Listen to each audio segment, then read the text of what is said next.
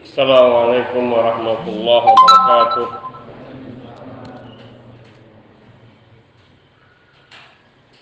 الحمد لله وحده والصلاة والسلام على من لا نبي بعده وعلى آله وصحبه ومن والاه. أما بعد أخواني في الدين عزني الله وإياكم جميعا ورحمني ورحمكم. kita Alhamdulillah masih dapat berkumpul dan mengaji bersama di majelis ilmu ini dan semoga Allah Subhanahu wa taala senantiasa menjaga kita memberi perlindungan kepada kita memberi kesehatan, keselamatan dan keistiqomahan di dalam beragama dan mentaati Allah tabaraka wa taala. Dan kita selalu menganjatkan salawat dan salam atas junjungan kita Nabi kita Muhammad sallallahu alaihi wasallam manusia yang telah berjasa dan yang paling wajib kita cintai dalam hidup kita setelah Allah Subhanahu wa taala karena beliaulah yang mengantarkan kita kepada agama yang lurus ini agama yang benar serta mengenalkan kita siapa Rabb kita Selanjutnya kita masih mengaji di bab ke-51. Yang waktu itu kita masih membahas tentang Asmaullah Al-Husna yaitu tafsir daripada surat Al-A'raf ayat 180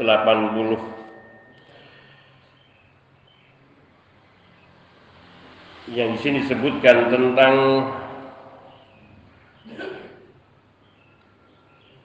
berdoa di kuburan. Ataupun bertawassul dengan orang-orang yang telah meninggal dunia adalah bid'ah di dalam berdoa dalam hal ibadah yang tidak disyariatkan oleh Allah Azza wa Jal. Dan amalan ini berdoa bertawassul dengan makhluk termasuk salah satu sarana menuju kepada kesyirikan. Karena sungguhnya seseorang bila ia memulai bertawasul dengan kemuliaan makhluk atau dengan derajat kedudukan makhluk atau dengan haknya makhluk, terutama di sini adalah Nabi kita Shallallahu Alaihi Wasallam dan yang di bawahnya. Maknanya apabila ada orang yang berdoa bertawasul dengan diri Nabi padahal beliau yang paling mulia yang paling mulia. Berdoa kepada ataupun kepada malaikat-malaikat Allah Azza wa Jalla yang mereka adalah makhluk-makhluk yang suci. Bertawasul dengan kemuliaan Nabi Shallallahu Alaihi Wasallam atau dengan kedudukan beliau sebagai Nabi atau bertawasul dengan hak beliau di hadapan Allah Subhanahu Wa Taala maka ini telah membimbing menuntun seseorang untuk menjadikan nabi sebagai sesembahan akan menyeret kepada perbuatan penyembahan kepada diri Nabi Shallallahu Alaihi Wasallam yang tidak pernah Nabi izinkan dan bahkan beliau paling benci. Dan ini yang dahulu dilakukan oleh kaum musyrikin terdahulu, juga kaum musyrikin yang di zaman Nabi sampai zaman kita dan zaman mendatang. Mereka mengawali kesyirikannya dengan berdoa kepada orang-orang yang telah meninggal dunia apalagi di bawah Nabi sekiranya yang dimintai itu adalah Nabi yang sudah jelas maksum dan diampuni semua dosanya dijamin surganya itu juga Allah haramkan apalagi sesudah Nabi atau di bawah Nabi derajatnya meskipun hanya sekedar bertawassul maka awalnya tawassul dan akan berakhir dengan kesyirikan besar yang dapat mengeluarkan seseorang daripada iman dan Islamnya. Kita semua memohon kepada Allah Subhanahu wa taala keselamatan dan kebebasan terbebaskan dari kesyirikan-kesyirikan yang kecil maupun yang besar. Ada pula sebagian orang-orang yang bersikap berlebih-lebihan yang ia bergantung atau menggantungkan dirinya dengan beberapa perkataan yang tersebut pada sebagian yakni dengan kata-kata yang tersebut pada sebagian risalahnya Syekhul Islam Muhammad Ibn Abdul Wahab rahimahullah. Ini orang-orang yang salah mengartikan dan berlebihan di dalam mengartikan. Beliau mengatakan rahimahullah taala dalam salah satu risalahnya inna tawassula min masailil fiqhi wal ijtihad allati la inkara fiha mereka mengatakan bahwa Syekh Muhammad Ibn Abdul Wahab menuliskan di dalam sebuah risalah yang kemudian risalah ini di salah satu kalimatnya dijadikan sebagai pegangan mereka untuk bertawasul. Mengatakan apa? Inna tawassul min masailil fiqhi wal ijtihad. Bahwa tawassul di dalam berdoa menurut mereka pengertiannya termasuk masalah-masalah fikih dan masalah-masalah ijtihad allati la yang tidak tidak diingkari di dalam di dalamnya masalah yang tidak diingkari ini satu pemahaman yang mereka nisbatkan kepada Syekh Muhammad Ibni Abdul Wahab apa intinya dari perkataan beliau yang yang dimaksudkan atau yang ditafsirkan oleh para para pelaku-pelaku kesyirikan tawassul yaitu mengatakan bahwa tawassul di dalam masalah-masalah fikih eh, bahwa tawassul berdoa dengan bertawassul itu termasuk termasuk masalah-masalah fikih dan masalah-masalah istihad yang tidak bisa diingkari. Artinya tetap terjadi. Ini penisbatan seperti ini sungguhnya salah. Karena sungguhnya Syekh Muhammad Ibnu Abdul Wahab rahimahullah taala beliau telah menjelaskan dalam ucapannya beliau mengatakan inna tawassula al khali min ibadatil mutawassali bihi wa innama huwa tawassulun tawassulun bihaqqi syahsi au jahihi fahada bid'atun wa laysa bisyirkin wa amma tawassulul ladzi ma'nahu taqarrub ilal mutawassal bihi bidzabhi lahu wan nadar lahu wa ghairu dzalika min anwa'il ibadah fa hadza syirkun akbar. Beliau menjelaskan di sini bahwa maksud ucapan beliau bahwa tawassul termasuk masalah-masalah fikih dan istihad yang tidak diingkari artinya tidak diingkari terjadinya. Artinya banyak terjadi di kalangan manusia. Beliau mengatakan inna tawassul uh, inna tawassul al khali min ibadatil mutawassala mutawassali sesungguhnya perbuatan tawasul yang al-khali yang tidak ada unsur penyembahan kepada yang dijadikan wasilah al-mutawassal bihi yang dijadikan wasilah ma inna ma huwa tawassul bihaqqi syahsi maka sungguhnya itu adalah perbuatan tawassul terhadap hak diri seseorang atau bijahihi atau terhadap kehormatan kemuliaan seseorang. Apa kata Syekhul Islam Muhammad Ibn Abdul Wahab rahimahullah? Fahada bid'atun. Tawassul dengan diri seseorang saja itu bid'ah. Walaysa bisyirkin. Dan beliau mengatakan dan ini tidak termasuk syirik.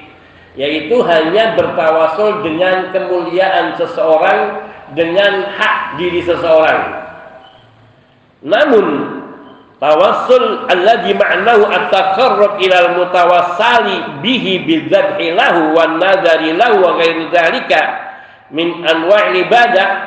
Adapun tawasul yang maksudnya yang maknanya adalah pendekatan diri kepada yang ditawasuli. Misalnya bertawasul kepada ahlul kubur dia mendekatkan amalan-amalan takarrub kepada ahlul kubur ini. Bidzabhi dengan cara menyembelih kurban untuknya wanadar lau atau bernadar untuknya kalau saya begini saya sukses ini saya berhasil ini saya akan iktikaf di kuburan fulan Wagiri dari keminan ibadah dan berbagai bentuk amalan takarrub yang termasuk jenis-jenis ibadah. Fahada syirkun akbar maka yang demikian ini termasuk syirik besar yang mengeluarkan pelakunya dari Islam. Yang pertama itu adalah bid'ah walaysa bisyirkin. Maksudnya bukan syirik yaitu bukan syirik besar. tapi dia sudah termasuk kepada sarana dan dan dan wilayah syirik kecil. Yaitu bertawasul dengan kemuliaan dan bukan bertawasul dengan zatnya. Berbeda antara tawasul dengan zat Nabi dengan tawasul dengan kemuliaan Nabi maka bertawasul dengan kemuliaan Nabi dengan hak Nabi dengan kedudukan beliau sebagai Nabi memohon kepada Allah ya Allah dengan kemuliaan Nabimu hamba memohon kepadamu begini dan begitu maka ini adalah bid'ah dan syirik kecil, bukan syirik besar. Dan ini bid'ah. Adapun kalau bertawasul ya Allah ya Rasulullah, engkau lah manusia yang dimuliakan Allah dan engkau mendapatkan kemuliaan Allah untuk memberi kami, berilah kami ini dan itu. Maka ini sudah bertawasul kepada zat Nabi, kepada diri Nabi. Dan yang demikian ini adalah syirkun akbar, mukhrijun anil millah termasuk syirik besar yang mengeluarkan seseorang daripada Islamnya. Hadza ma qala hadza makna ma qalahu syekh.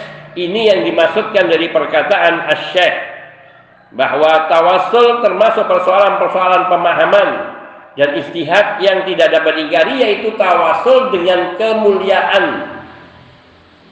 Tetapi bahwa ini dikatakan oleh beliau adalah bid'atun Adapun kalau sudah bertawasul dalam rangka beribadah kepada yang ditawasuli, maka ini sudah syirkun akbar. Kesyirikan besar. Yang bila seseorang melakukannya, maka dia bila tidak bertobat sampai akhir hayatnya, maka dia meninggal di luar Islam, di luar agama Islam wal billah. Wa huwa ma karrarahu al-muhaqqiquna min ahli ilmi. Ini juga yang ditahkik yang nantinya dibenarkan oleh para ulama muhakkikin yang mereka melakukan penelitian dan penelusuran tentang dalil-dalil dari Quran dan Sunnah. Yang mereka mengatakan walaisal murah yaitu mengatakan seperti yang dikatakan oleh Syekh Islam Muhammad bin Abdul Wahab di atas. Yaitu bahwa tawassul kepada kedudukan kepada kemuliaan bid'ah Walaisal murad anna tawassul kullau min masail fikih dan bukan dimaksudkan ucapan Syekh Syekh Islam Muhammad bin Abdul Wahab bukan seluruh tawassul itu termasuk masalah fikih. Bukan seluruh tawassul itu termasuk masalah fikih. Lianna minhu ma huwa syirkun akbar karena di antara tawassul itu ada yang termasuk syirik besar. Yang maknanya tawassul yang lainnya itu mengandung kesyirikan kecil. Wahada babun azim dan masalah tawasul ini adalah perkara besar terutama tawasul dalam pengertian beribadah bertakarrub kepada yang ditawasuli. Yang ditawasuli yaitu kepada para malaikat atau kepada para nabi atau kepada orang-orang yang saleh dan seterusnya lianna hadhi syubhata dhalla biha aktsarul khalqi qadiman wa haditha karena masalah tawasul ini adalah syubhat yang banyak menyebabkan orang-orang terdahulu maupun belakangan yang mereka tersesat dengan sebab tawasul ini. Liannahum lam yufarriqu bainal wasilah al-mamnu'ah wal wasilah al-masyru'ah. Karena mereka tidak membedakan dan tidak mau memilah-milah mana wasilah yang terlarang dan mana wasilah yang disyariatkan. Karena sungguhnya wasilah bertawasul itu ada dua macam. Ada tawasul yang terlarang yaitu tawasul dengan kemuliaan dan kedudukan makhluk. Dengan kedudukan makhluk ataupun dengan kemuliaannya dengan kehormatannya atau dengan zatnya. Dan ini adalah syirik. Atau dia termasuk bid'ah dan saran kepada kesyirikan akbar. Jadi perbuatan itu sendiri syirik atau dia bid'ah yang mengarah kepada kesyirikan akbar. Yang maknanya bila seseorang terus menerus bertawasul di dalam doanya dengan zat Nabi eh, dengan dengan kemuliaan Nabi maka ini menjatuhkan kepada syirik asgar atau bid'ah mungkarah Dan bila dia memintanya dengan zatnya Nabi, dengan diri Nabi Shallallahu Alaihi Wasallam kepada Nabi memintanya bertakar kepada Nabi, maka ini menjatuhkannya kepada syirik akbar. Ini tawassul yang terlarang.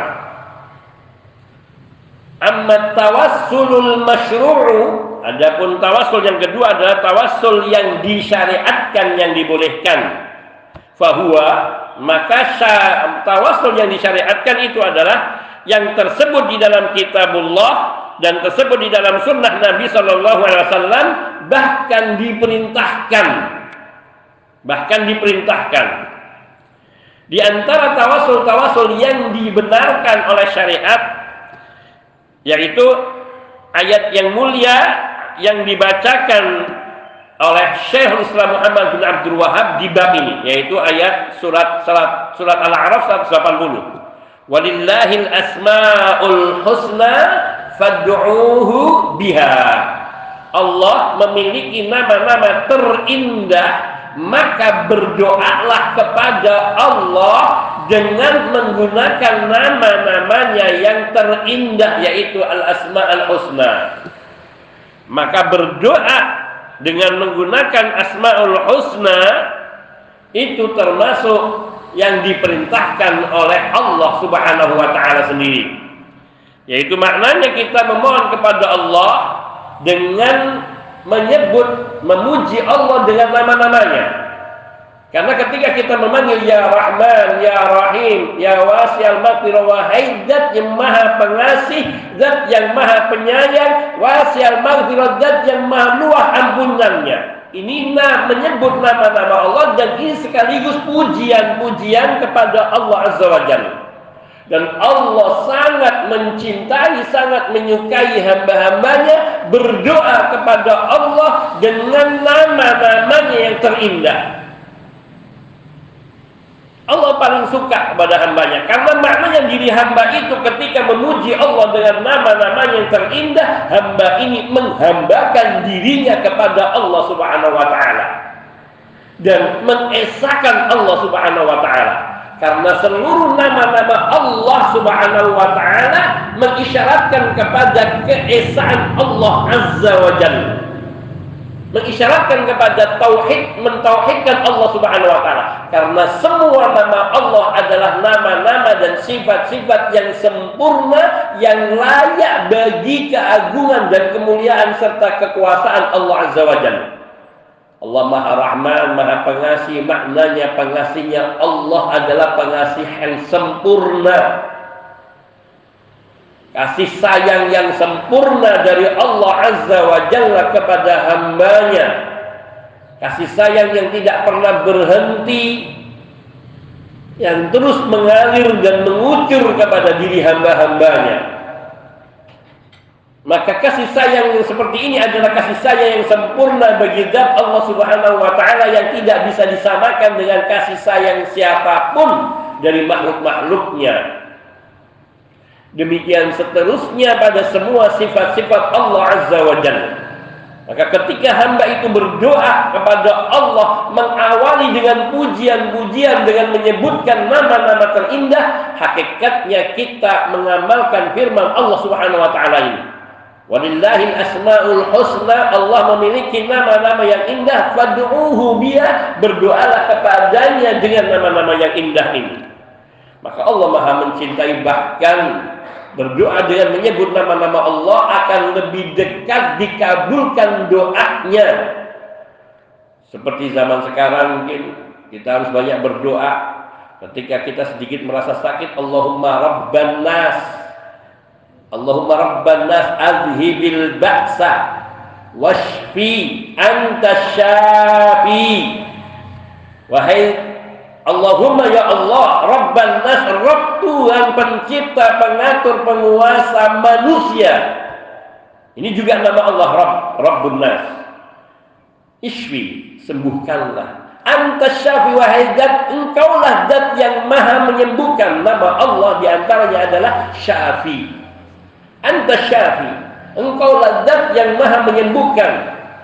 Ini yang banyak diabaikan di saat ini yaitu tidak bergantung kepada Allah terlalu bergantung kepada protokol kesehatan. Saya tidak menyalahkan mengingkari protokol kesehatan, namun kebanyakan mengisyaratkan harus dengan protokol kesehatan bila tidak adalah suatu kebinasaan. Ini akibatnya menyekutukan Allah syirik seolah-olah yang bisa menyelamatkan kita dari corona yaitu protokol kesehatan. Padahal yang lebih besar yang harus kita yakini Allah lah yang harus kita takuti, Allah lah yang harus kita mohoni, Allah lah yang harus kita jadikan tempat kita memohon bergantung berlindung dan seolah-olah doa itu tidak dapat menghindarkan seseorang dari corona. Dan ini gejala ini yang kita lihat di akhir-akhir ini, di hari-hari ini terutama. Sehingga menempatkan protokol kesehatan melebihi daripada berdoa, berlindung kepada Allah, bergantung kepada Allah. Gak mungkin kalau kamu berdekatan ini pasti kamu akan celaka, kamu akan binasa. La ilaha illallah. Bahwa corona itu makhluk kecil yang diciptakan oleh Allah yang dia tunduk dan patuh dengan kehendak Allah Azza wa Jalla. Maka yang dapat menundukkan dan menjaga kita dari penyakit corona ini hanya Allah Azza wa Jalla. Maka perbanyaklah berdoa dan harus ada keyakinan dalam diri seorang mukmin bahwa doa kita itu akan dikabulkan. Yang kita lihat gejala yang ada pada masyarakat saat ini bahwa mereka kalau berdoa seolah-olah Allah tidak akan mengabulkan atau tidak mungkin mengabulkan. Waliyadzubillah dan ini suudon kepada Allah. Seolah-olah Allah tidak akan memberikan pertolongan, perlindungan, mengabulkan doa hamba-hamba yang memohon kepada Allah dari hamba-hamba yang beriman. Ini yang harus kita waspadai. Karena menisbatkan sesuatu yang kepada selain Allah yang harusnya hanya kepada Allah itu syirik. Maka menisbatkan sakit kepada COVID, menyebabkan kematian kepada COVID, wah dia mati gara-gara covid bukan dia mati karena Allah mentakdirkan dia mati dan kalau Allah takdirkan 50 ribu tahun sebelum ada langit dan bumi kita sudah ada tanggalnya, harinya, jamnya akan mati. Dan itu tidak akan Allah rubah sama sekali. Mau kita mengikuti protokol kesehatan mau tidak, kalau sudah tiba ajalnya akan mati. Baik dengan sebab corona maupun yang lainnya. Adapun corona dan yang lainnya hanya sababiah. Ini yang tidak boleh kita lewatkan. Saya ingatkan ini berulang karena melihat gejala ini pada banyak kaum muslimin bahkan Teman-teman yang sudah ngaji pun kadang seperti itu. Apalagi yang nggak ngaji. Ketakutan yang berlebihan kepada corona menyebabkan mereka lupa takut kepada Allah. Harusnya semakin kita takut kebinasaan, kita minta perlindungan kepada Allah. Dan harus yakin bahwa Allah itu mengabulkan doa kita, Allah yang nyuruh Udu'uni. Allah yang nyuruh kita berdoa kepada Allah. Dan Allah sendiri yang berjanji akan mengabulkan doa kita. Astajib lakum. Aku akan kabulkan doamu. Aku akan perkenankan permohonanmu. Maka mintalah kesembuhan. Termasuk di antara benteng imunitas yang tinggi itu doa. Dikir pagi, dikir sore. Dikir ba'da sholat fardu yang disyariatkan terkandung dan tambahkan doa-doa lain yang di situ mengandung permohonan perlindungan. Seperti Allahumma inni a'udzubika minal barasi wal jununi wal judani wa min sayyi'il asqam. Ya Allah aku berlindung kepadamu dari penyakit penyakit sopak penyakit kulit sopak atau dari kegilaan, dari penyakit lepra dan juga dari segala macam penyakit. Maka termasuk segala macam penyakit corona. A'udzu bikalimatillahi tammati min syarri ma khalaq. Kata Nabi Shallallahu Alaihi Wasallam di mana seorang singgah di satu tempat kemudian dia membaca doa ini maka tidak ada sesuatu pun yang akan membahayakannya sampai dia meninggalkan tempat itu. Maka kita banyak membaca a'udzu bikalimatillahi tammati min syarri ma khalaq. Wa insyaallah seseorang yang memiliki keyakinan penuh kes ke ketawakalan yang penuh kepada Allah Subhanahu wa taala, maka Allah akan melindunginya. Kemudian keluar rumah selalu membaca doa Bismillahi tawakkaltu 'ala Allah la haula wala quwata illa billah. Karena ketika kita berdoa ini di saat keluar dari rumah maka dikatakan kepada kita oleh Allah Subhanahu wa taala kufita wa wukita wa hudita. Engkau telah dicukupi. Engkau telah dijaga dan engkau telah dibimbing, dituntun, diberi hidayah. Maka dari seluruh aspek duniawiyah dan ukhrawiyah sampai kepada aspek dinianya dijaga oleh Allah Subhanahu wa taala. Maka kalau orang itu sudah bertawakal kepada Allah, Allah yang akan menjamin kecukupan bagi hamba itu. Wa may yatawakkal 'ala Allah fa huwa hasbuh.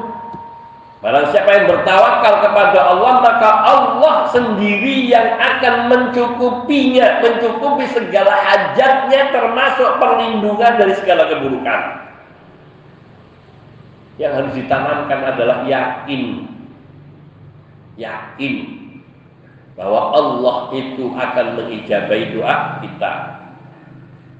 Adapun sarana lain semua itu adalah sarana yang tunduk dengan Allah Azza wa Jalla. Tidak ada penyakit yang menular dengan sendirinya. Semua penyakit menular terjadi dengan kehendak dari Allah. Karena Nabi mengatakan dalam hadis yang sahih, la adwa. Tidak ada penyakit menular. La adwa artinya tidak ada penyakit yang menular. Yang ada penularan itu terjadi dengan kehendak Allah. Siapa yang Allah kehendaki tertular, dia akan tertular. Meskipun dia di, di atas gunung puncak sendirian, seperti perkataan Nabi ketika ada orang yang ya Rasulullah ini gimana nanti pengaruh kalau ini tidak di, kalau ini tidak uh, kalau ini tidak dipisahkan dari yang lainnya akan menyebabkan yang lainnya mati tertular. Kata Nabi SAW, lalu siapa yang menyebab yang menulari yang pertama sakit? Siapa yang pertama kali menulari yang sakit ini? Maknanya semua dengan kehendak Allah Azza wa Jalla. Dan tidak semua artinya orang yang terkena itu kemudian dia dapat menularkan kepada orang lain. Banyak sekali orang yang tertular dalam satu keluarga yang terkena penyakit COVID satu keluarga yang lain tidak. Jadi yang terkena itu adalah takdir yang itu menjadi bagian dari ujian dan cobaan yang harus kita ridhoi, kita sabari dan kita bertawakal kepada Allah terus meminta kesembuhan kepada Allah. Kualitas doa itu lebih besar dari segala obat-obatan dan segala upaya pencegahan mana pun. Karena kita berarti meminta kepada Allah yang maha melindungi. Ada contoh, kalau ada anjing menggonggong, maka laporkan kepada pemiliknya.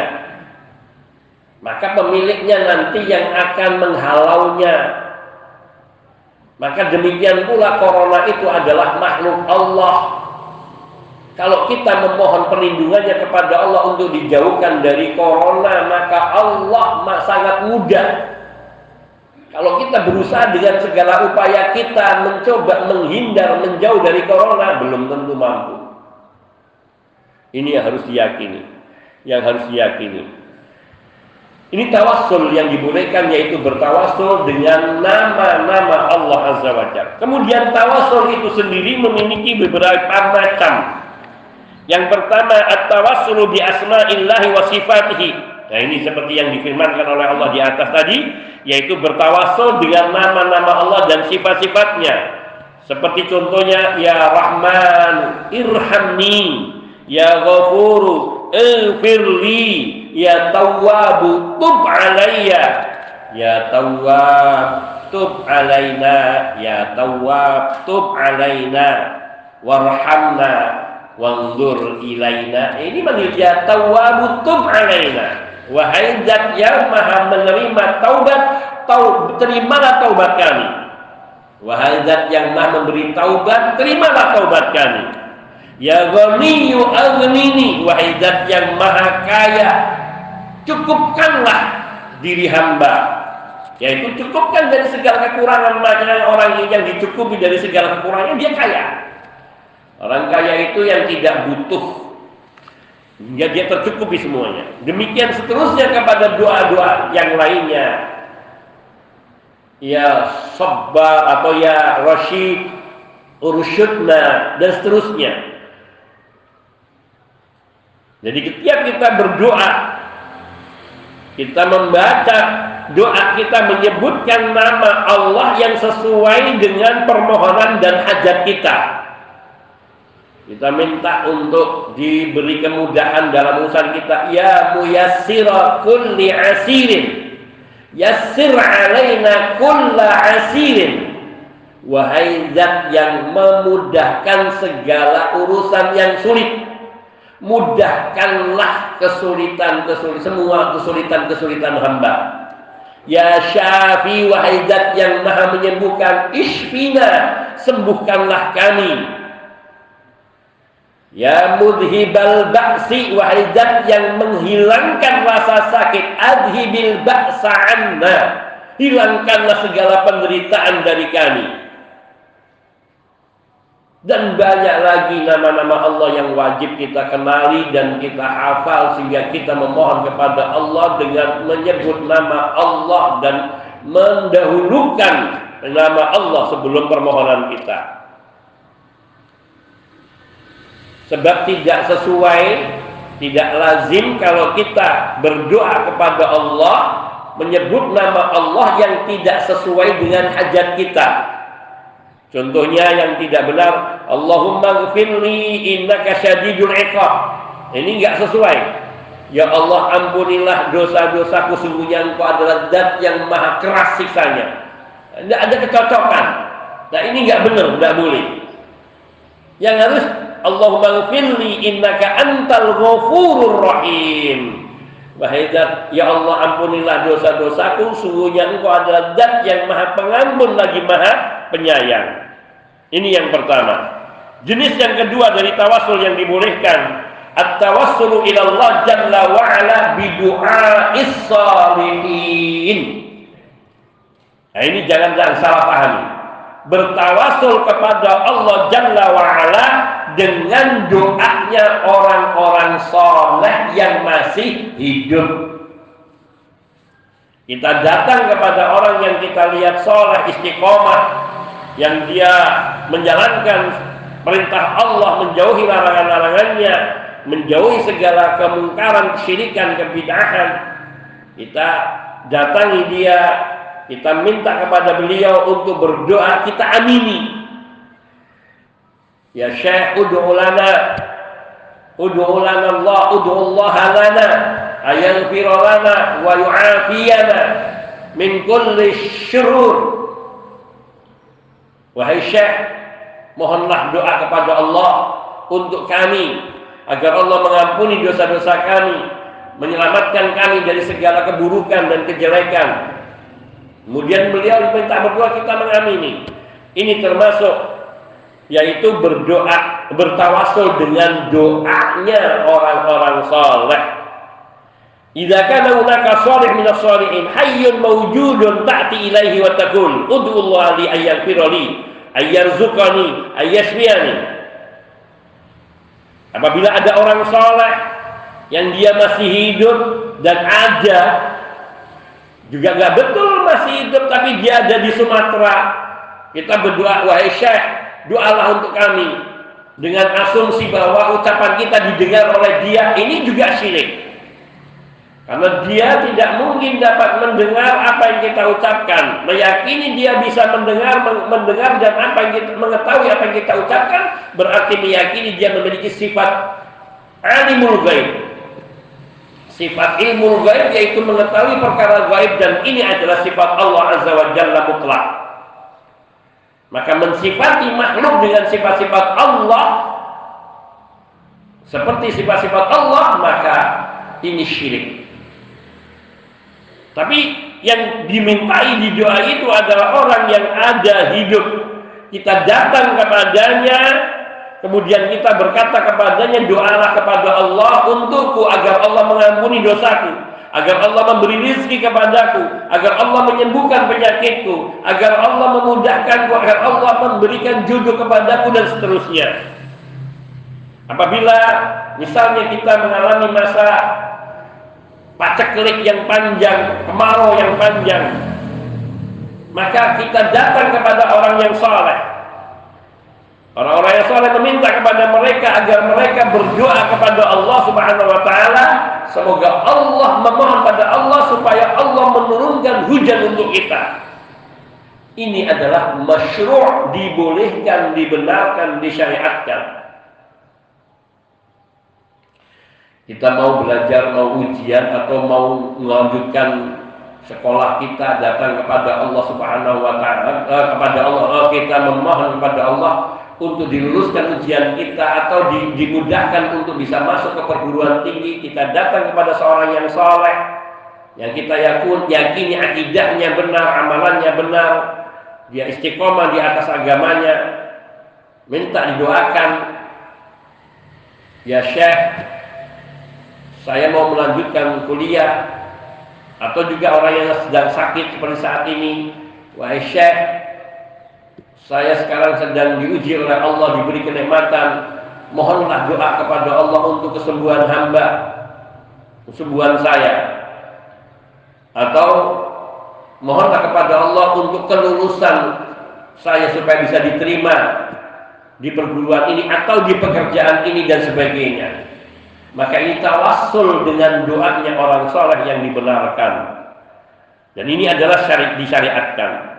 Umar bin Khattab radhiyallahu taala anhu beliau ketika hendak memohon turun hujan beliau padahal juga seorang sahabat Nabi yang mulia namun beliau memandang ada yang lebih pantas untuk dikabulkan doanya yaitu siapa paman Nabi Al Abbas bin Abdul Muttalib karena paman Nabi ini Rasul sallallahu paman Rasul sallallahu alaihi wasallam ini adalah hamba yang saleh. Al Abbas ini. Wakal kemudian Umar bin Khattab berdoa kepada Allah setelah meminta kepada Al Abbas untuk berdoa kepada Allah bagi umat.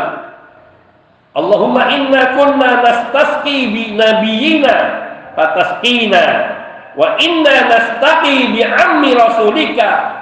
Kum ya Abbas fad'u kata Umar bin Khattab ya Allah berdoa kepada Allah. Sungguhnya kami dahulu selalu meminta doa diturunkan hujan yaitu melalui nabi kami. Dan engkau pun menurunkan hujan itu kepada kami. Lihat.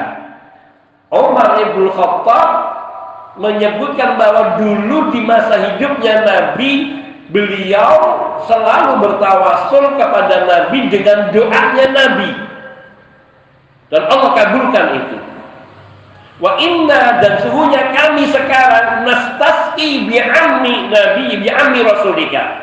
Dan sekarang kami meminta meminta supaya itu didoakan turun hujan kepada paman rasulmu. Maka kemudian setelah itu beliau berkata kepada Al-Abbas, "Kum ya Abbas, fad'u." Wahai Abbas, berdoalah kepada Allah, bangun dan berdoalah kepada Allah mendoakan kaum muslimin untuk memohon turun hujan.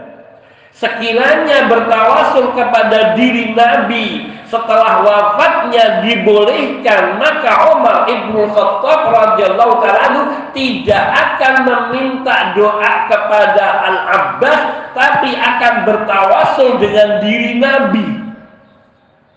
Namun yang dilakukan oleh Umar Ibn Khattab radhiyallahu taala dan para sahabat lainnya yang masih hidup di zaman itu yaitu meminta kepada Al-Abbas bin Abdul Muttalib paman Rasul sallallahu alaihi wasallam untuk berdoa memohon kepada Allah dan diamini oleh kaum muslimin yaitu di dalam salat istisqa-nya.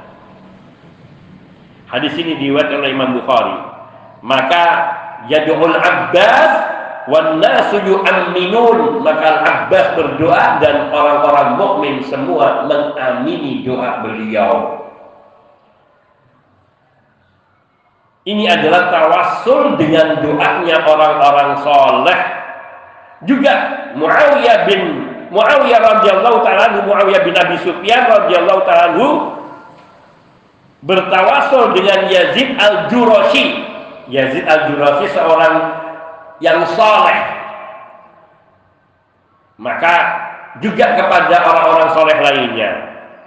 Amal mayyit adapun orang yang sudah meninggal maka tidak boleh kita memohon meminta kepada Allah melalui diri orang mati ini ya fulan meskipun kau sudah meninggal dunia engkau memiliki kedudukan yang mulia di sisi Allah mintalah kepada Allah agar Allah mengabulkan agar Allah memenuhi hajat kami agar Allah menyembuhkan penyakit kami agar Allah mengampuni dosa kami. Ini syirik dan tidak boleh. Syirik kecil dan bisa mengarah kepada syirik akbar.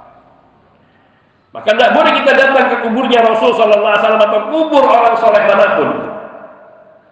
Dengan mengatakan udhullah lana doalah kepada Allah untuk kebaikan kami karena para sahabat radhiyallahu taala setelah wafatnya Nabi Shallallahu alaihi wasallam mereka tidak pernah datang ke makamnya Rasul Shallallahu alaihi wasallam dan meminta kepada beliau supaya berdoa kepada Allah untuk mereka. Bal innahum lamma ajdabu wa ma bayya wa ma bainahu wa baina qabri Rasul illa antar madhhabu ilaih.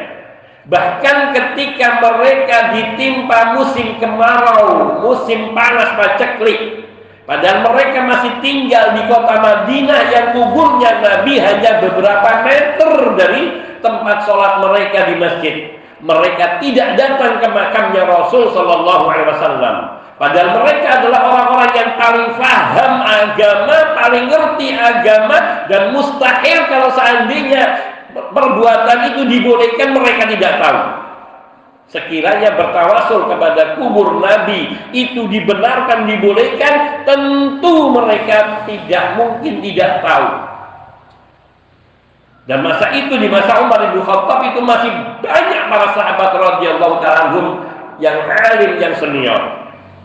Maka bertawasul kepada diri Nabi kepada kuburan Nabi Sallallahu Alaihi Wasallam bukanlah amalan yang diamalkan yang dibenarkan bahkan termasuk bid'ah dan bid'ah mungkar. Akan tetapi mereka justru datangnya kepada paman Nabi Al Abbas karena Al Abbas Ibnu Abdul Muttalib radhiyallahu taala anhu beliau hidup dan beliau ada di tengah-tengah mereka dan bisa berdoa memohon kepada Allah Adapun Rasul Shallallahu Alaihi Wasallam maka beliau telah meninggal dunia dan tidak dibenarkan meminta kepada orang yang telah meninggal dunia, baik untuk berdoa ataupun untuk yang selainnya. Apalagi kalau memintanya langsung supaya memenuhi hajatnya. Ini yang kedua. Yang ketiga, sebenarnya banyak cuman ini yang ketiga untuk saya cukupkan, insya Allah yakni at-tawassul ilallah bil a'mal as-salihat bertawassul kepada Allah dengan amal saleh. Seperti tiga penghuni gua yang mereka tersumbat pintu atau mulut gua dengan oleh batu besar sehingga mereka tidak bisa keluar. Mereka ini tatkala sedang dalam satu perjalanan bertiga ada angin kencang dan hujan yang menandakan mau, le, mau hujan mau hujan lebat. Maka mereka sebelum hujan itu turun mereka segera mencari tempat berteduh dan mereka mendapati sebuah gua. Akhirnya mereka masuk ke dalam gua tersebut. Namun qadarullah tiba-tiba ada batu besar yang jatuh dari atas tempat gua itu yang dia menyumbat pintu atau mulut gua sehingga mereka tidak bisa keluar. Menyumbat itu tetap ada masih udaranya, tapi tidak bisa itu dan tidak bisa didorong. Maka mereka bertiga ber, seseorang di antara mereka mengatakan Mari kita berdoa kepada Allah dengan amalan soleh terbaik yang pernah kita lakukan kepada Allah. Artinya bertawasul dengan amal soleh yang pernah dia lakukan, yang dilakukannya semata-mata karena Allah. Kita doa kepada Allah agar Allah mengeluarkan kita dari tempat ini. Maka ada seseorang yang berdoa kepada Allah, yakni bi'ifatihi anil haram yaitu karena dirinya menjaga perbuatan yang haram. Seseorang yang dia hampir menzinai sepupunya yang dia sangat mencintainya karena cantiknya. Namun dia tinggalkan karena takut kepada Allah. Allah bukakan. Namun belum sampai bisa buat keluar.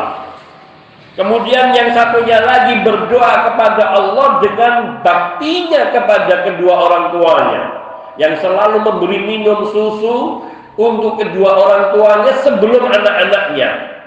Sampai pun harus menunggui kedua orang tuanya bangun dari tidurnya.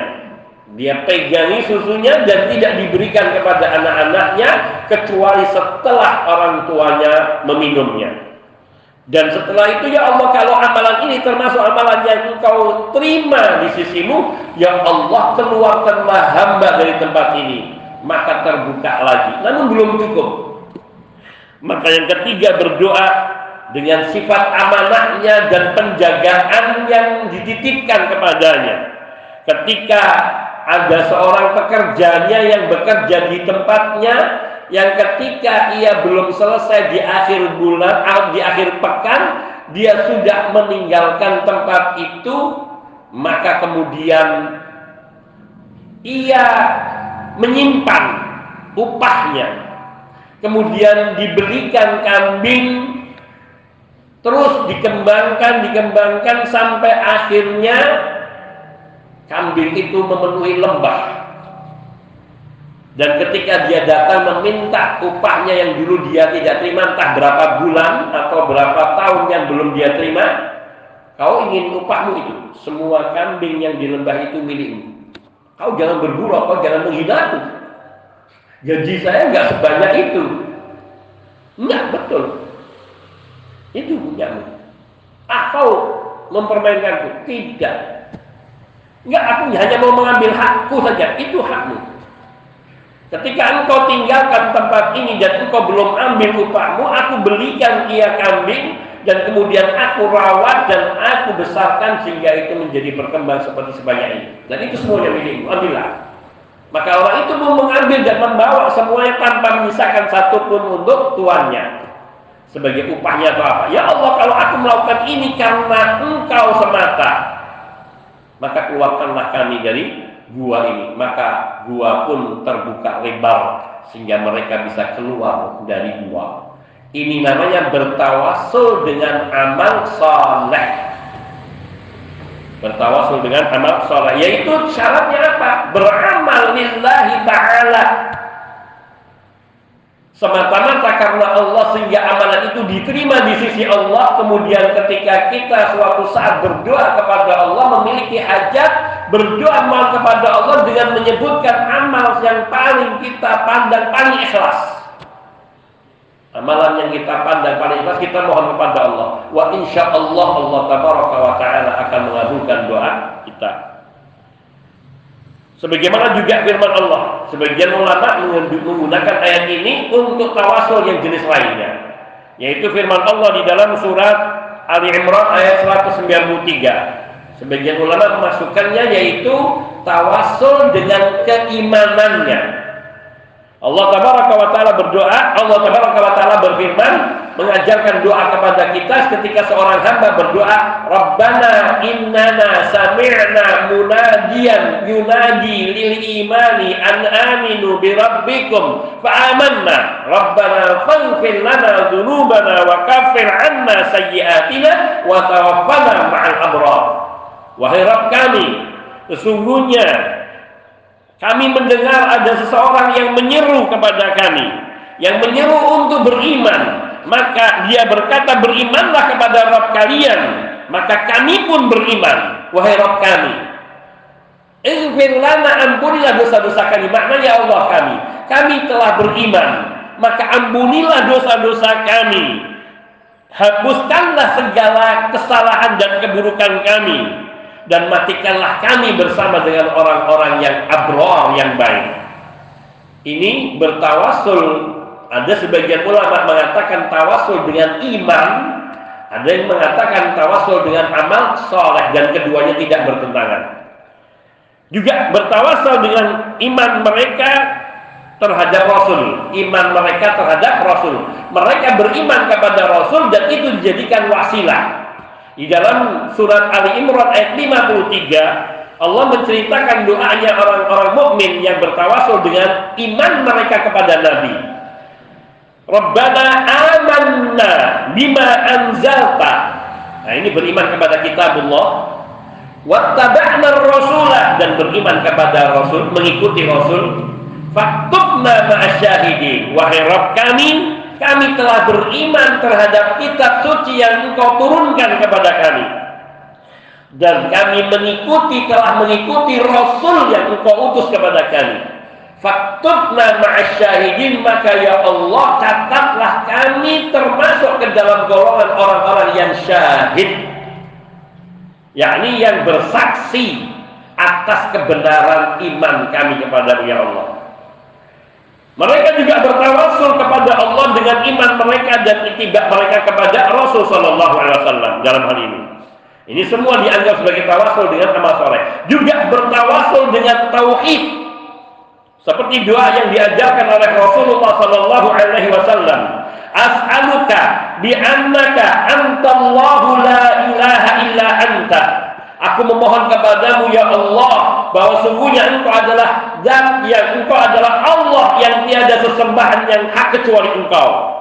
Faghfir lana dzunubana wasfina wasfi maradona dan seterusnya. Ampunilah dosa kami, sembuhkanlah penyakit kami, sembuhkanlah orang-orang yang sakit dari keluarga kami, dari sahabat kami, dari teman-teman kami, dari kaum muslimin. Ini tawasul dengan dengan yaitu dengan tauhid. Juga Nabi Yunus Durnun, yang Yunus bin Matta alaihi salatu wassalam, beliau juga bertawasul dengan kalimat tauhid ini ketika beliau berada di dalam perut ikan paus fi batnil hut Fanada fid dhulumati maka Nabi Yunus ibnu Matta berdoa berseru kepada Allah di dalam kegelapan kegelapan kegelapan perut ikan hiu kegelapan lautan dan kegelapan lainnya. Subhanallah an la ilaha illa anta subhanaka inni kuntu minadh dhalimin. Ini bacaan dikir yang agung. Ketika kita dihadapi kesulitan apa-apa, maka bertawasul dengan dengan kalimat tauhid la ilaha illa anta subhanaka inni kuntu minadh dhalimin sambil kita memohon kepada Allah dengan hati kita atau kita ucapkan hajat kita La ilaha illa anta subhanaka inni kuntu minadh dhalimin la ilaha illa anta subhanaka inni kuntu minadh dhalimin kalau berdoa kepada Allah kita ini dianjurkan rocos Artinya jangan sekali doang doanya, tapi terus minta terus kepada Allah diulang-ulang doanya. Dengan semakin banyak kita berdoa, maka Allah semakin suka kepada doa kita dan semakin lebih terjamin untuk terkabulkan doa kita. Ini masih pendahuluan di ayat ini, wa saya cukupkan wa insya Allah kita akan lanjutkan yaitu tafsir daripada ayat walillahil asmaul husna fad'uuhu biha. Sebenarnya nggak terlalu panjang nggak terlalu panjang tapi nanti saja karena khawatir kelamaan Nah, barangkali ada pertanyaan. Wassalamualaikum warahmatullahi wabarakatuh. Muhammadin wa alihi wa sahbihi. Monggo. Waalaikumsalam warahmatullahi wabarakatuh. Saya melihat jamaah kita ini karena ada konteksnya doa mohon supaya Bapak mendoakan mereka-mereka yang sakit yang sedang sakit dan dialami oleh jamaah kita sudah orang yang saya bisa doanya yang kedua adalah yang jamaah di kampung ibadah Allahumma ini yang ibadah keamanan yang tidak orang dulu sering dibaca sekarang mungkin agak hilang yaitu solusinya gimana satu minta doa dan dua doa dan Barakallahu. Assalamualaikum warahmatullahi Waalaikumsalam warahmatullahi wabarakatuh. Barakallahu fiik. Insya Allah nanti kita semua berdoa bareng-bareng. Saya bukan orang soleh yang sebenarnya patut untuk dimintai doa. Tapi kita berdoa bareng-bareng semoga Allah Subhanahu wa taala mengabulkan doa kita dan kita harus yakin bahwa Allah mengabulkan doa kita. Yang kedua bahwa membaca a'udzu bikalimatillahi min syarri ma khalaq ini sebenarnya sudah disyariatkan lama cuman ketika kita ini banyak nggak ngaji sehingga banyak yang lupa banyak yang terlewatkan. Maka ada di dalam dikir waktu pagi waktu sore dan termasuk juga tidak hanya dikir waktu sore bahkan setiap kita berada di satu tempat yang asing maka kita dianjurkan membaca doa ini. A'udzu bikalimatillahi tammati min syarri ma khalaq ini dibaca sekali, mau diulang tiga kali, monggo. Tapi kalau bacaan dikir setelah asar atau bacaan dikir sore, maka a'udzu bikalimatillahi tammati min syarri ma khalaq utamanya diulang tiga kali. Dan itu yang paling baik. Jadi membaca a'udzu bikalimatillahi tammati min syarri ma khalaq bisa dibaca kapan saja bisa dibaca kapan saja, di mana saja, terutama ketika kita berada di tempat-tempat yang kita merasa asing, merasa asing gak nyaman, maka baca doa ini. Wah insya Allah kata Nabi janji Nabi dan itu adalah janji Allah lam yadurrahu syai'un hatta yartahila min makanihi tidak ada sesuatu pun yang akan bisa menimpakan keburukan kepadanya yang orang baca doa ini sampai dia meninggalkan tempat itu. Maka insya Allah kita misalnya sedang safar berhenti di rest area, maka ketika sampai di rest area kita baca doa ini A'udzu bikalimatillahi tammati min syarri ma. Diulang tiga kali juga boleh. Ketika kita misalnya berhenti di pinggir jalan untuk suatu hajat, kita baca doa ini atau ketika kita bermain ke pantai sama anak-anak kita, keluarga kita, kita baca doa ini. Di mana pun di tempat-tempat yang kita merasa asing, maka kita dianjurkan membaca doa ini dan dijamin dilindungi oleh Allah Subhanahu wa taala. Di samping doa setiap keluar rumah, Bismillahi tawakkaltu ala Allah wala haula wala quwata illa billah. Ini sebenarnya doa-doa yang sudah kita hafal, yang sudah dari dulu kita menghafalnya. Hanya saja kita belum terbiasa mengamalkan. Maka harus selalu banyak diulang-ulang supaya kita ingat, supaya kita ingat. Allah taala. Kalau tidak ada pertanyaan lain maka kita berdoa. Baiklah kita berdoa kepada Allah